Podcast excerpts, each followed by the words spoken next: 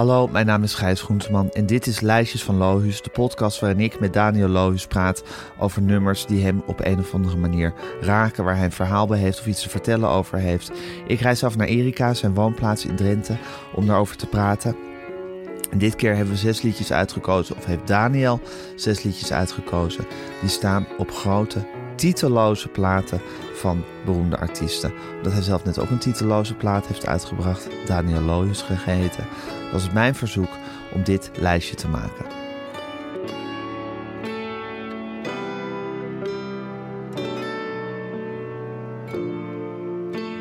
Daniel, wat heerlijk om hier weer te zijn op, Ja. op Erika. Wat fijn dat je er bent. Nou, wat heer...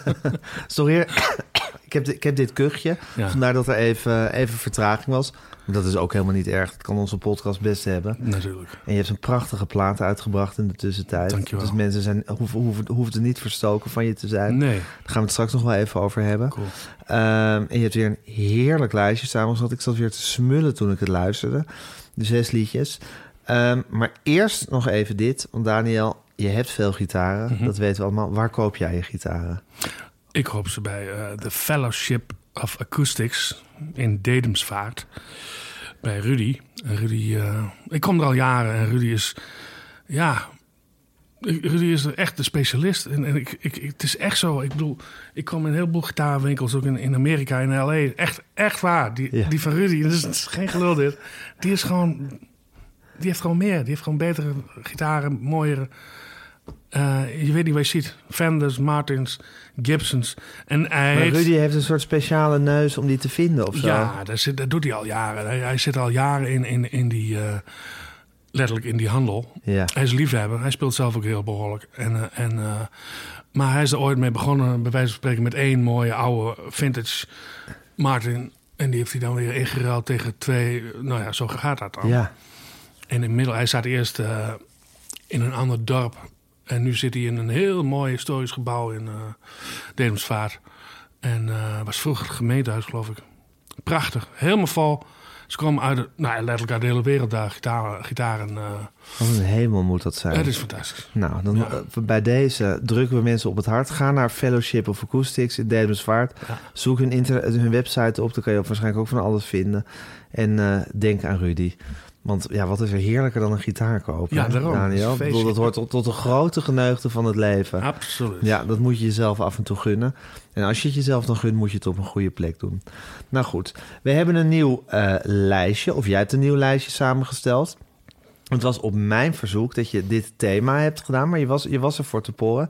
Want je hebt zelf net een nieuwe plaat uitgebracht. En die plaat heet Daniel Lohuus. Tenminste, hij heeft geen titel. Ja. Eponymous, zoals het in het, Engels, eh, in het Engels heet. Ik noem het altijd tit- tit- titeloze plaat. Ja. Eh, Self-titled. Self-titled, exactly. Er zijn, eh, nou, volgens mij hebben nou, heel veel grote artiesten en groepen hebben een titeloze plaat uitgebracht in hun carrière. En ja, ik dacht misschien is het interessant om van, van dat soort platen een nummer te draaien en ook eens te onderzoeken. Ja, heeft het nou betekenis dat die dat ze, dat ze ervoor kozen om die plaat geen titel te geven? Want het is ook een soort statement natuurlijk. Ja, ja. Was het voor jou, wat, wat was voor jou het moment om je, om je titeloze plaat te maken? Ehm, dit was, het was wel moeilijk, want ik zat de hele tijd. Een, een titel is, is, is een heel mooi. ehm, in, in het hele proces is het een heel mooi eh, stukje wanneer, wanneer je bij de, bij de titel komt. Soms is het heel lang al duidelijk, het moet zo en zo. En ik had het, bij deze had ik al heel lang zo van: oh ja, dit, zoiets moet het zijn. Maar toen dacht ik: nee, dat is ook te corny. En ik zal helemaal niet zeggen wat het was. En toen. En toen, maar dat was wel een soort werktitel. En, eh, en toen had ik het er met Bernhard over, die, die, eh, mijn kameraad. En die speelt ook mee in de studio. En achter overleg ik ook wel veel mee. En eh, toen kwam hij ook een beetje met, oh, gewoon een keer self-titled. En toen dacht ik, ja, als het dan wezen moet, dan is het nu. Dan, is, dan, moet, dit het, dan moet dit het zijn. En, ik, en dan kan ik echt niet precies vertellen waarom dat, maar het klapte, dat klapte in één keer helemaal. Zo van, ja, dat is nu. nu dit, is, dit is gewoon eh, ook heel erg eh, waar, ik, eh, waar ik nu ben of zo. En ook een beetje wel, ja, dit ben ik. En is dat, dat klinkt misschien een beetje pathetisch, maar is dat als je op een gegeven moment een plaat maakt die op een wonderlijke manier samenvalt met wie je zelf bent? Of Ja. Die, dat die heel dicht komt bij hoe je in het leven staat op dat moment? Ja, op dat moment. Maar dat is, dat is met elke plaat zo. dat het heel erg eh, achteraf een soort eh, dagboekje is. Wat je, wat je, als je terug, terugbladert, zie je dat. En op het moment zelf heb je dat niet eens door. Dat heb je niet door. Nee? Nee, nee, nee. Dan zie je, de, de- die verbanden zie je allemaal nog helemaal niet. Dat is pas echt, eh, daarom is het eigenlijk ook zo, zo toevallig allemaal. Als je, dat is met een album zo. Als je het samenstelt, dat is ook, eh, dat is net als een liedje componeren. Eh, achteraf zie je pas, oh ja, dat klopt, dat klopt behoorlijk. Je, je doet het gewoon eh, met de kennis die je hebt en met, met, met het gevoel wat je erbij hebt. En dat is met zo'n titel ook. En nu pas denk ik van ja, dat klopt helemaal. En ook Ja. hoe hoe ik hem gemaakt heb, eh, ook die plaat geschreven heb. Ik bedoel, ik schrijf altijd in mijn eentje. Maar nu ben ik echt, echt nu, nou ja, dat was twee jaar die corona en zo. Dus je zat, iedereen zat in zijn eentje. Ja. En, eh, maar ik ben eh, op een heuvel in Frankrijk gaan zitten met, eh, met twee gitaren en een accordeon. Heb je ook een accordeon gecomponeerd? Ja, dat doe ik soms, ja. En, en ik nou, ook een... Is een accordeon een makkelijk moment om, of ma- makkelijk instrument om op te componeren? Nee, Nee, hè? Dat Nee, lijkt maar- me ook helemaal niet. nee, maar ik heb ook een... hij staat hier nou niet, maar echt zo'n harmonica. Zo'n... Zo, zo'n ja, wat je, wat je vroeger op de boerenbruiloft had, maar Met allemaal knopjes. Met ook geen niet toetsen. Geen Nee, precies, pianotoetsen. Ja, en, en, en, en toen zat ik boven op die heuvel in Frankrijk. En eh, af en toe als de zon onderging, dan pakte ik een galmde zo mooi in dal zo. Want het was een beetje een afgelegen huis. En dan zat ik ook gewoon... Daar om- haal jij ook van hoe een instrument klinkt in zijn omgeving. Ja. Hè? Zoals net zoals met die, met die midwinterhoorn. Ja, precies, ja. En dan zo'n accordeon in zo'n dal. Ja, dat is te gek. Ja. Dat is gewoon fantastisch. Want- En dan ben je niet daar op een liedje aan het maken, maar dan ben je wel in een sfeer aan het komen. Ja. Dan kom je wel in contact met, ja, daar geloof ik wel namelijk wel een beetje in. Een beetje met, met, met, met, met, de, met de goden, muziekgoden, zeg maar. Ja. Dan kom je wel in contact met een bepaalde sfeer of zo. En dan, en dan ben je eens, dan zie je iets voor je of dan hoor je iets en denk je, ah. En dan schrijf je teksten over. Of ik heb de hele dag al, dat doe ik daar in Frankrijk, rijd ik de hele dag een beetje rond, een beetje kijken, een beetje, een beetje op een bankje gaan zitten en zo. En opeens denk je van, oh ja, toen en toen, daar en daar. En dan gaat het over thuis of over de school of over werk ooit eens een keer. En dan s'avonds komt dat liedje van. Of, of een vriendschap of een... eh, zo, zo werkt dat een beetje. Het komt allemaal bij elkaar. Je kan het jezelf wel heel goed toestaan om niks te doen ook, hè? Ja, Dus als je ook naar Amerika gaat en gewoon rond gaat rijden... en wat je ook zegt in Frankrijk, gewoon een beetje rondrijden... op een bankje zitten. ja. Dat je niet denkt van, oh god, nu moet ik mensen gaan bellen... of op mijn telefoon gaan zitten. Of... ja, dat heb ik natuurlijk ook wel. Maar Maar je kan ook wel gewoon Ja. zo'n dag... wat Ja. natuurlijk heel nuttig is, want er gebeuren, gebeuren er dingen in je hoofd. ja, ik heb het ooit ook... Ja, ik was natuurlijk, ik was natuurlijk ook jaren en jaren... ben ik heel druk alles mee, mee bezig geweest met... Allemaal afspraken met eh, platen maken ook. En, en, en optreden s'avonds en, eh, en van alles en nog wat. En, maar ja, ik mag ook graag gewoon een hele poos in de stoel zitten... eh, en alles een beetje laten gebeuren. En was het niet eh, Gerrit Komrij of zo? Ja, ik dacht dat het Gerrit Komrij was die, die zei van... ja, die, die twee weken niks doen, die heb ik nodig voor die ene zin. Ja. En dat, dat, ik, ja, dat, eh, vanaf dat moment dat, ik- dat ik dat hoorde, dacht ik... ja, maar dat is wel zo. En alles in mijn leven is zo. Ik bedoel, als het nou... het gaat namelijk hartstikke goed altijd en... en nou ja, ook, ook zo'n huishouden waar ik hier... Dat is, ja, dat is een beetje... Een beetje eh, nou ja, het is allemaal, allemaal instrumenten en allemaal toestanden. Maar het hoort er allemaal bij, bij dat proces. Ja. Dat, dat, als, ik, als ik ergens anders zou wonen in een hele andere omgeving... dan komt een hele andere plaat van. Dit is wat ik doe. En uiteindelijk heb je ook het gevoel dat je je leven in moet richten om liedjes te maken. Dat heb ik al heel lang geleden al Ja. gedaan, ja. Ja, Ik denk dat, dat, dat is gewoon je taak. ik denk dat dat al heel lang zo is. Ja, dat ben ik nu ook pas gaan zien hoor. Ik ben de afgelopen twee jaar over dat soort dingen ook gaan nadenken. Van hoe. Hoe, eh, hoe werkt dat eigenlijk? Weet je wel? Waarom. waarom eh, ook, nou, ik heb geen gezin of zo. En eh, ja, ik heb nooit vast werk gedaan. Ja, ik ben een half jaar groenteboer geweest. Maar, maar ook altijd met in het hoofd van. Ja, dan kun je muziek maken, weet je wel. Ja. En dan kun je. en het reizen ook.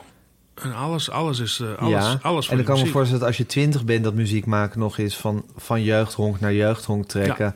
Om daar met je Fender Telecaster... Juist. eh, een beetje skikliedjes te spelen. Ja. Dat het inmiddels ook is, los van dat je natuurlijk ook heus nog optreedt... als, als het weer van pas komt, maar dat het ook gewoon is... je leven zo inrichten dat die liedjes eruit komen. ja, Ja, heel bewust ook. Heel bewust. ja. Het ook, eh, ja, dat gaat, en dat gaat best wel ver ook. Eh, maar ik vind het, dat is mijn, dat is, eh, ik voel me er heel fijn bij. Zel- zelfs bijvoorbeeld, ja, nou ja. eh, Heb je er ook ooit tegen gevochten? Nee, Nee. nee. ik heb het juist altijd opgezocht. Ja. Ik heb het echt opgezocht. En ook, ook bijvoorbeeld eh, die tijd dat ik met, de- met de muziek nog geen geld verdiende. Maar op een gegeven moment wel wat wilde gaan doen, omdat ik geen, niet zo'n soosloper wilde zijn. Toen ging ik wel uitzendwerk doen, maar toen had ik het liefst gewoon productiewerk. Waar je gewoon uh, doosjes stapelen. Ja, dat kon je ondertussen nadenken? Ja. Kon, kon dat gebeuren in je hoofd? Ja. Ja. Ik kwam thuis, en dan woon ik nog in Bussum. En dan ging ik achter mijn vier sporen bakjes zitten. En dan en nam ik allemaal demootjes op. En dat is de eerste plaats van Skik. Ja. Ja. Dan zat ik gewoon eh, in Bussum eh, eh, allemaal liedjes bedenken in trends. En eh, ze zullen allemaal wel gedacht hebben, was dat dan van Lijpo? Maar Zullen wel meer lijpo's gewerkt hebben ja daar. hoor. Ja. Ja, zeker. Dat was bij de Fenco Drapfabriek in Naarden. Echt Ja joh. Zo'n je honingdrop en muntdrop Ja. te stapelen en winegums. Ja. Die kwamen zo vers uit die machine. Oh, lekker. Mag je af en toe ook in je handje onderhouden. En ze zeggen altijd van ja, eet maar zoveel als je wilt, want eh, na twee dagen lust je het niet meer. Nou, forget it. Dan kennen ze Daniel Loos nog niet. maar ook Engelse drap. Engelse drap, rechtstreeks uit zo'n machine. Is dat lekker? Oh joh. Echt waar? Oh man. Dan is het nog vers. Dan is het nog...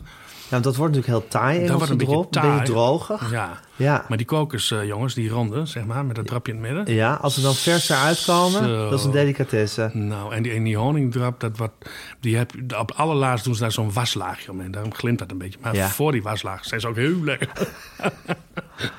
maar goed. Wat een tijden, Daniel. Nou, zeg dat Ja. wel, ja. Ja. En deze plaat heb je dus geschreven, eh, die nu net uit is, op de, in, in Frankrijk. Grotendeels, ja. En als je dan naar Frankrijk gaat, dan weet je... ik wil nu eigenlijk, als ik hier vandaan kom, twaalf liedjes hebben. Weet ik veel. Eh, nou ja, dat, dat, dat, ja, niet zo. ben je nee. ooit bang dat het niet komt? Ik weet dat het wel komt. Je weet dat het komt. Ja. Nee, daar ben ik nooit bang voor geweest. Ik ken het ook niet. Ik- het is ook voor mij een oefening. Al jaren en jaren is het voor mij een oefening. Om gewoon achter de piano te gaan zitten en gewoon een lied te, lied te gaan beginnen. Gewoon improviseren. Dan heb je vaak nog niet tekst. Of je hebt wel een regeltje. En dan gewoon gaan zingen. Dat is een oefening. Ben Vals eh, van Ben Vals 5 die zegt dat ook altijd. Je moet dat als oefening doen. Gewoon wat je elkaar niet ook ziet doen in de studio. Ja, Wat iedereen nou gezien heeft, dat Get Back, hoe dat ontstaat. precies. Dat gewoon doen, gewoon beginnen. En dan komt het vanzelf wel. Ja, dat is het magi een van de magische momenten uit de uren en uren durende Ja. Get Back documentaire. Ja. Waar ook heel veel niet-magische momenten in zitten. Dat is ook weer het, vind ik ook weer het mooie ervan. Da- daarom trok ik het eerst ook niet. Jij vond het moeilijk, Ik maar vond het moeilijk. dan zie je ook van... ook de Beatles hebben niet magische momenten... maar dan is er dus ook, weet ik veel, 20 seconden... dat hij op zijn basgitaar... Ja. die hij bespeelt als een slaggitaar. Ja, je ja. ziet hem heel vaak gewoon akkoorden spelen op zijn basgitaar. En dan ineens is Get Back er. ja dat is mooi, Ja. Dat is fantastisch, ja.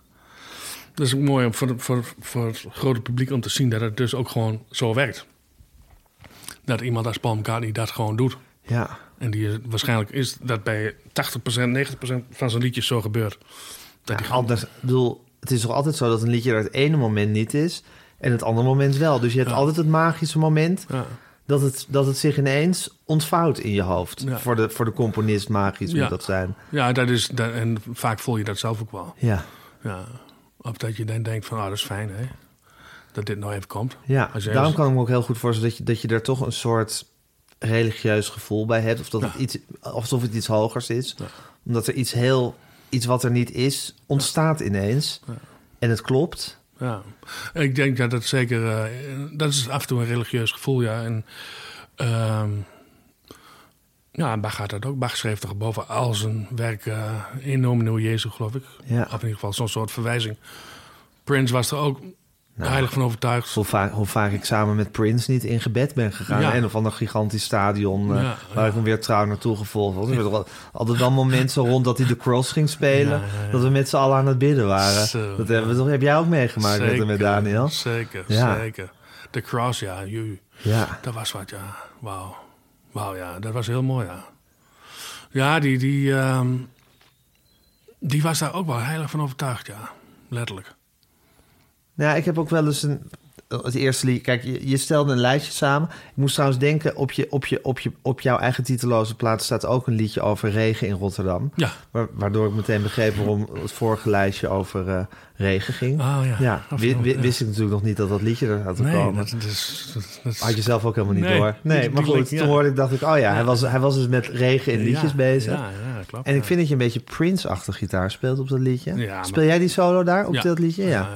En dat, die heeft een soort, soort Purple Rain-achtig achtige wildheid in zich, die solo. Ook hoe je hem eindigt. Ja, ja en zelfs, er zit zelfs een knipoogje in naar, naar iets wat, wat Prince ook in The Purple Rain speelt. Ja? Ja, dat het dus eigenlijk een, voor de freaks een, meestal is een majeur. En dat hij toch zo opeens een soort blues lattertje. Even snel. Even snel doorheen. Ja, precies. Dat- kijk, Prince, zijn solo... al- kijk, op deze plaat ook weer al die solo's die speel ik. Maar de invloed van Prince is, is daarin gigantisch. Dat ik, toen, ik, toen, ik dat, toen ik dat voor het eerst eh, eh, hoorde live... toen Prince eh, met Sign of the Times in Utrecht... toen begon hij dus... De dat concert begon met de solo. En toen, toen knapte er gewoon iets in mijn hoofd. Het was gewoon helemaal zo... Oh my god, echt helemaal om. Dit is het. Ja, dit is het. En, en, en sindsdien... En eh, dat Prince altijd zegt dat iedereen... Ja, je bent zeker fan van Jimi Hendrix. Ja, zegt Prince dan. Nou, vind ik ook goed. Maar mijn grote voorbeeld is Carlos Santana. En dan denk ik, yes, yes. Carlos Santana, te gek. En ik snap het helemaal wat Prince daar zegt. Dat is, dat is gewoon hartstikke waar. Santana is ook fantastisch.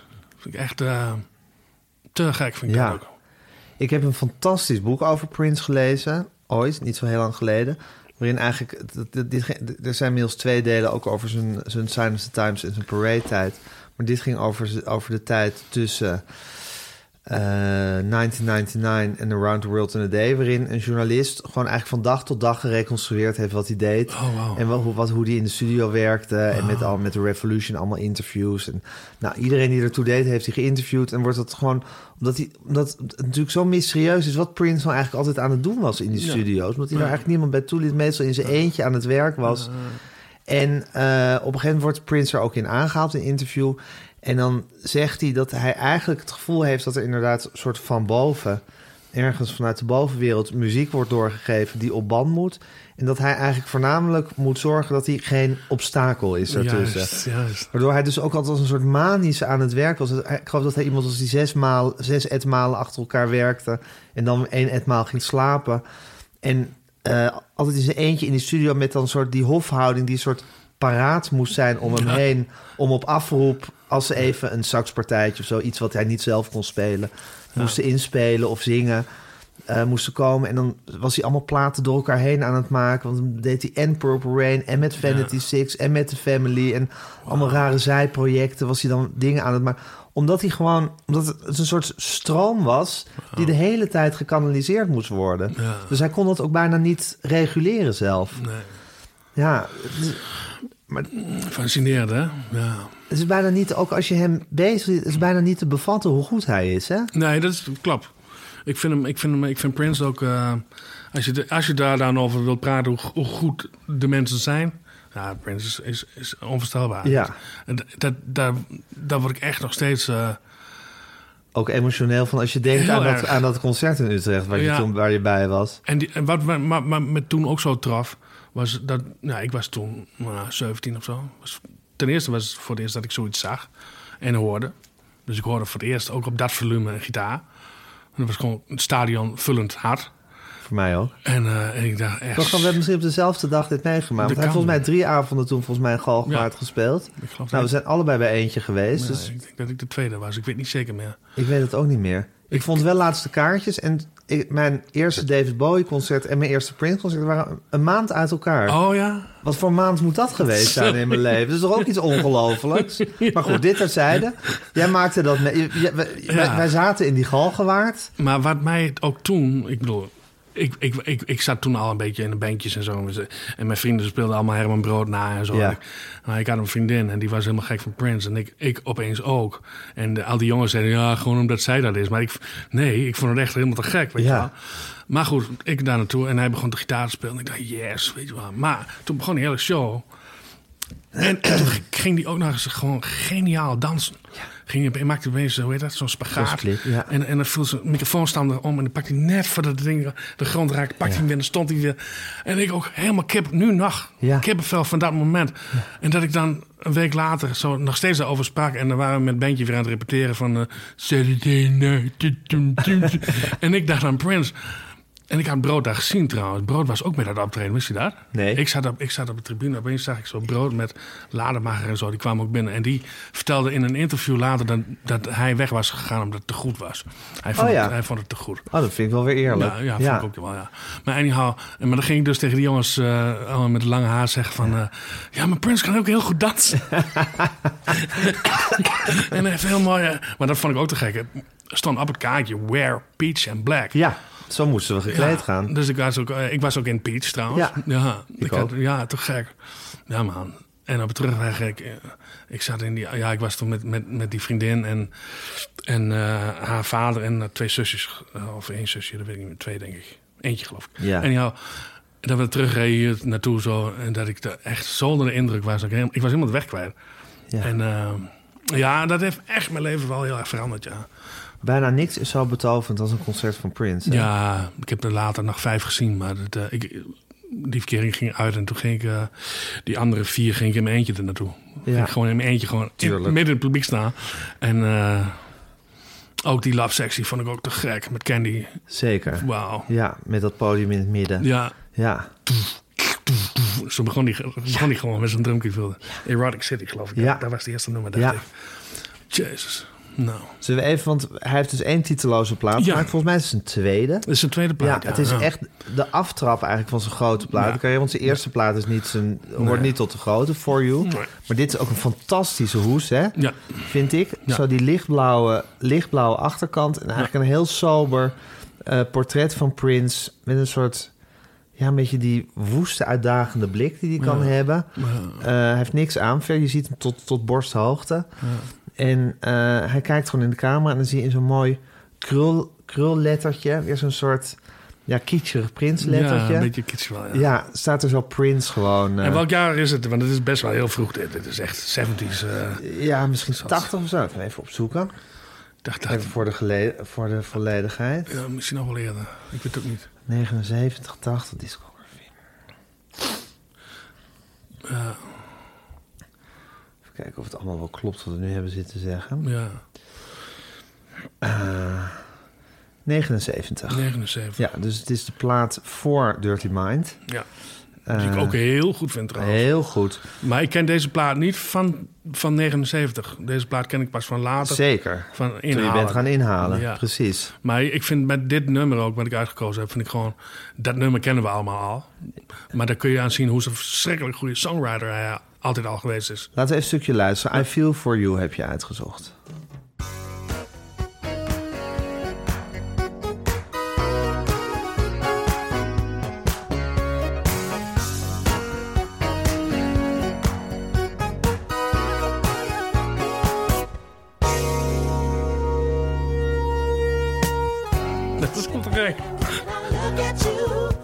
Lekker lang wachten. Ja, dat is heel veel te lang Ja. eigenlijk. Dat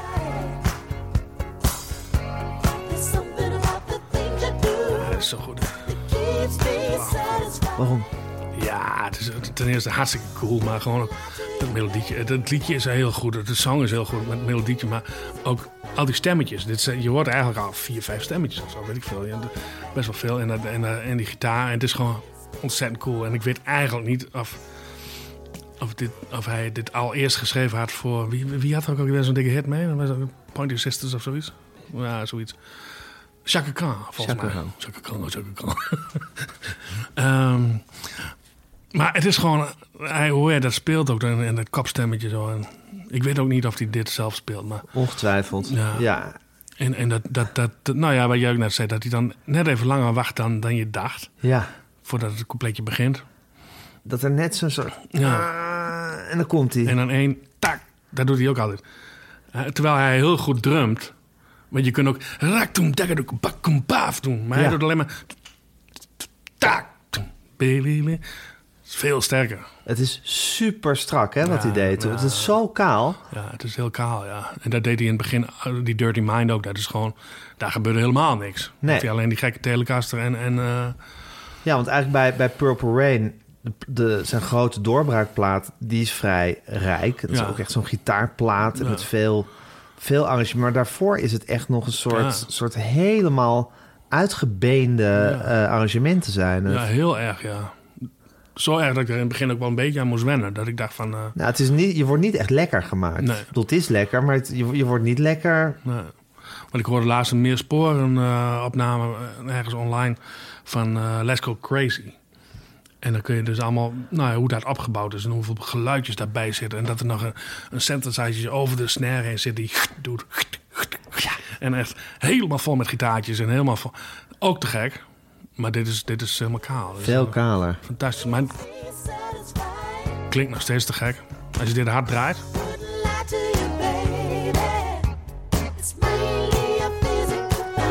En grappig.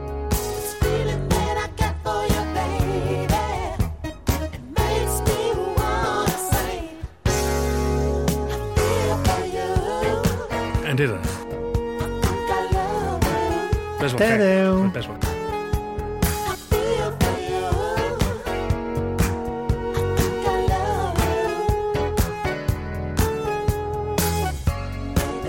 Maar ook bizar, ik denk dat hij misschien op alle instrumenten die hij bespeelt... die dus allemaal bespeelt, ook eigenlijk gewoon de beste is. Ja, denk ik wel, ja. Hoe, hij zo, hoe hij dat keyboard speelt. Ja, niet normaal.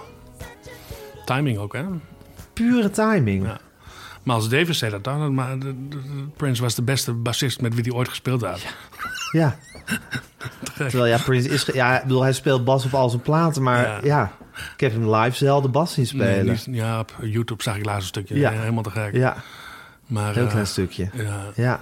ja, onvoorstelbaar die kerel. Ja, dat, nou ja, dat kan ik me ook wel voorstellen dat hij zelf ook wel... Maar dat wist hij natuurlijk zelf ook wel. Dat hij heel goed was. En dat je dan toch wel denkt van... eh daar hebben we het al eens eerder over gehad. Van, komt dat uit jezelf of komt dat ergens anders nog weer vandaan? Ja, dat ik, in het geval van Prince had ik dan denk ik ook wel gedacht van... eh, Dit, dit moet ergens... ge- Dit, Ja. moet, dit moet me gegund zijn door Ja. een of andere hogere macht. niet, niet bepaald een Salieri. Salieri. Nee. nou, het is, toch, het is toch wonderlijk hoe dat er gewoon mensen zijn met zoveel muzikale mogelijkheden in mijn hoofd. Ja, ja. ik heb er bijna geen. Jij hebt er al een heleboel. Maar dan heb je mensen als Prince, Stevie Wonder, Ja, ja. Paul McCartney. Waar, waar het gewoon een soort paleizen, muzikale paleizen zijn in Ja. die hoofden. Ja. Dat is toch Ja, om nog maar te zwijgen van eh, Bach. Gustav Mahler. En Gustav Bach. Mahler en Bach ja, en. Shostakovich en eh. Mozart. Mozart. Ja, Ja, die Elon Musk die is bezig met experimenten om, eh, om toch een verbinding te maken tussen, tussen hersenen en, en, en computers. ja. Jammer genoeg probeert hij dat met aapjes. Dat vind ik wel een beetje slecht. Maar ja, je moet ergens beginnen. Maar, maar stel je voor, dan zit, heb, heb ik al heel lang, sinds ik van het bestaan van MIDI weet, denk ik wel eens van, oh, kon ik maar gewoon een stekkertje in mijn hoofd stappen. En da- dat dat dan, dat dan op de band kwam. Wat je kunt denken. Wat je in je hoofd denkt. Ja, Want dat is, dat is eigenlijk de grote kwestie. Ja, Om wat je ja. in je hoofd denkt. ja, Dus in je hoofd hoor je het eigenlijk altijd meer dan, Ja. wat, je, dan, wat, je, dan wat je eruit krijgt. ja, je mag er al lang bij zijn dat dit eruit komt. Ja, Ja. en bij de grote genieën, Precies. de echte grote genieën, hebben, he- is, is, die, is die datakabel tussen wat ze in hun hoofd horen en hoe ze het, hoe ze het eruit krijgen. is eh 24 karaats. Ja, precies. Die, die verliest geen generatie. Nee, precies. Nee, Ja. dat- ik denk wel dat het zo werkt, ja. En, en dat zie je bij Mozart. eh, bij Mozart zijn, eh, zijn, zijn partituur heel goed. Die schreef zonder doorhalen. Ja, Schreef hij gewoon een hele ja. symfonie op. alsof hij het noteerde Ja. namens iemand. Ja. Beethoven totaal niet. Die had heel veel strijd. Het kraste en dat, die scheurde en die was... eh, dat kun je ook horen, vind ik. Ja, Die, die had strijd met zijn eigen creativiteit. Maar bij Mozart is het één... Bij Bach ook volgens mij trouwens. Maar eh, bij Prince... ja, eh, waardoor ze ook die gigantische productie hebben kunnen halen Ja. natuurlijk. Ja, ja, Gewoon als een soort lopende band kwam het, kwam het eruit de hele tijd. ja, moest ook wel. In het geval van Bach helemaal. Elke zondag een kantate. Al, al die jaren in Leipzig moest hij toch elke Zeker. zondag die kantates hebben. Ja, Dat zou ook mooi zijn, hè? Dat het nou, als we nou even gewoon het... eh, stel je voor dat het wel zo is, dat er echt een hemel bestaat. En dat dus eh, Prince nu eh, met, met Mozart Met en, Bach. eh, met Bach een glaasje witte wijn gaat drinken. Van hoe deed jij dat eigenlijk een zonder... glaasje witte wijn, even jammen. Even aan het orgel samen, zou ik zeggen. Ja. Ja, Prince aan het orgel, ja. ja. ook niet mis, hè? Nou, daar kon hij ook te gek trouwens. De Hammond Orgel is, is, ook, is ook een eh, mooie opname van. Ja. Ik ben er in die studio geweest, hè? Had ik dat al verteld? Dat ik bij die in, in uh, Paisley Park was, Ja. dat heb ik al verteld. Hè? Ja, Maar dan zag je dus inderdaad die instrumenten ook staan. Die, die Hammond. Gewoon Prince en Hammond. ja. Helemaal te gek. Het is oneerlijk, hè? Bijna. Ach. Maar ja, het is, aan de ene kant is het een cadeau dat ze bestaan hebben, die mensen. Ja, en- en bestaan. En als je ziet, als je ziet die foto's, daar heb ik natuurlijk wel eerder over gehad, maar die foto's van Prince ten eind. Ach, wat heeft die man ook ellende meegemaakt. Ja. Doordat hij Prince is. Doordat hij Ja, gewoon... als je niet Prince bent, maak je ook ellende mee, Daniel. Tuurlijk, tuurlijk. Maar Ja. dit, dit is wel... Ik vind dit extra zielig. Ja, Zoveel geven aan de mensheid en dan, eh, en dan uiteindelijk lang uit eh, voor je lift eh, onderuit gaan onderuit gaan. en wegzakken. En zijn jasje nog weggegooid op een of andere manier. Zijn jasje ligt een eindje verderop. Ik heb die foto's gezien, ja, heavy hoor. Maar goed, dat is eh, de prijs. Nou, dat weet elke muzikant ook wel. Dat dat eh, de prijs is die je betaalt. Toch? Hendrix en zo, die wisten dat ook wel. Zeker, maar iemand als Paul McCartney komt er toch wel heel lang. Die heeft op een of andere manier een persoonlijkheid Ja. om, om er doorheen te fietsen. Ja. Ja, en sterke, een goede genen, denk ik. Sterke, maar ook een soort mentale weerbaarheid om, om, ja, ja. om... Ja, ik vind hem bloedirritant, maar toch ook om gewoon te blijven. Ik zag wel van de week, heb je nog gezien dat fotootje... dat hij dus eh, ergens gesnapt was. Dat is dan te blowen. Ja. dacht ik, nice. Vind ik, ja, dat, vind, dat vind ik dus heel goed. Dan denk ik van, ja, dat doe je goed. eh, Ouwe. vriend. Ja. Ja. Nee, want dat heeft er wel mee te maken, denk ik. Gewoon, gewoon een beetje relaxed doen. En eh, Soms zie je ook een foto van mensen dat hij met een mutsje op in de metro zit. ja, Bijvoorbeeld. ja, Kan hij zichzelf anoniem maken. ja, dat, dat kan hij wel, hè? Ja. ja. Ja, en hij is ook zo'n iemand die het niet heel erg vindt om herkend te worden. Van, Nee. in de Beatle-tijd al niet. Nee. Hij ging er echt... echt eh, en ik denk dat Lennon daar op een gegeven moment wel een beetje klaar mee was. Die worstelde met alles meer. Ja. Dat ook gewoon meer zelfhaat. Ja, zelfverhaard. Ja, En dat is altijd lastig. Ja, dat is niet zo mooi, denk ik. Ja. Nee. Maar gek hè, Daniel? Die, die chemische verbindingen die je in je hoofd kan hebben... dat je zo geniaal bent. Ja, ja. ja. Nou goed, I Feel For You van het titeloze, de titeloze plaat van Prince. En eigenlijk de aftrap van zijn, van zijn grote platenperiode. zeker. Met Dirty Mind, Controversy, 1999... Purple Rain, Around the World of- in a Day... Sign of the Times, Parade. Ik zeg ze niet helemaal in de goede volgorde. Bijna. Parade. Ja, alleen al- de rest van, ja, precies. heel knap dat je die hele volgorde... En ja. Love Sexy, toen, Love toen, toen was de, de absolute... Dat, dat alles raak was, was toen, was Ja. toen voorbij. Eh, Gravity Bridge kwam er achteraan, geloof ik. Ja. En toen ben ik een beetje uitgestapt, eerlijk gezegd. Ja, maar toen was het ook niet... Toen, toen was er iets, iets, iets verdwenen. Ik ben nog wel even heel dol geweest op, eh, op eh, Batman. Eh, hoe heet die? Eh, Ja. ja. die plaat. Die vond Ja. ik toch wel even... Dat vond ik nog even heel goed. En daarna ben ik een beetje uitgestapt en... eh, hoor ik nog wel eens dingen en heb wel wat gedraaid, maar Ja. dan heb ik, toen kocht ik die platen niet meer. Wat een man, hè? Ja, onvoorstelbaar.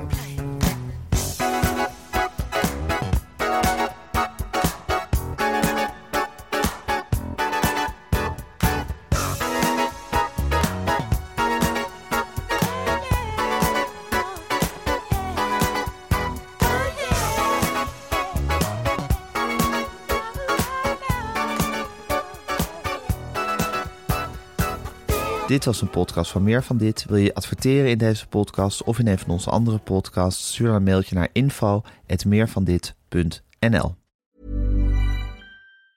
Hey, it's Danny Pellegrino from Everything Iconic. Ready to upgrade your style game without blowing your budget? Check out Quince. They've got all the good stuff shirts and polos, activewear, and fine leather goods, all at 50 to 80% less than other high end brands. And the best part? They're all about safe, ethical, and responsible manufacturing. Get that luxury vibe without the luxury price tag. Hit up quince.com slash upgrade for free shipping and 365 day returns on your next order. That's quince.com slash upgrade.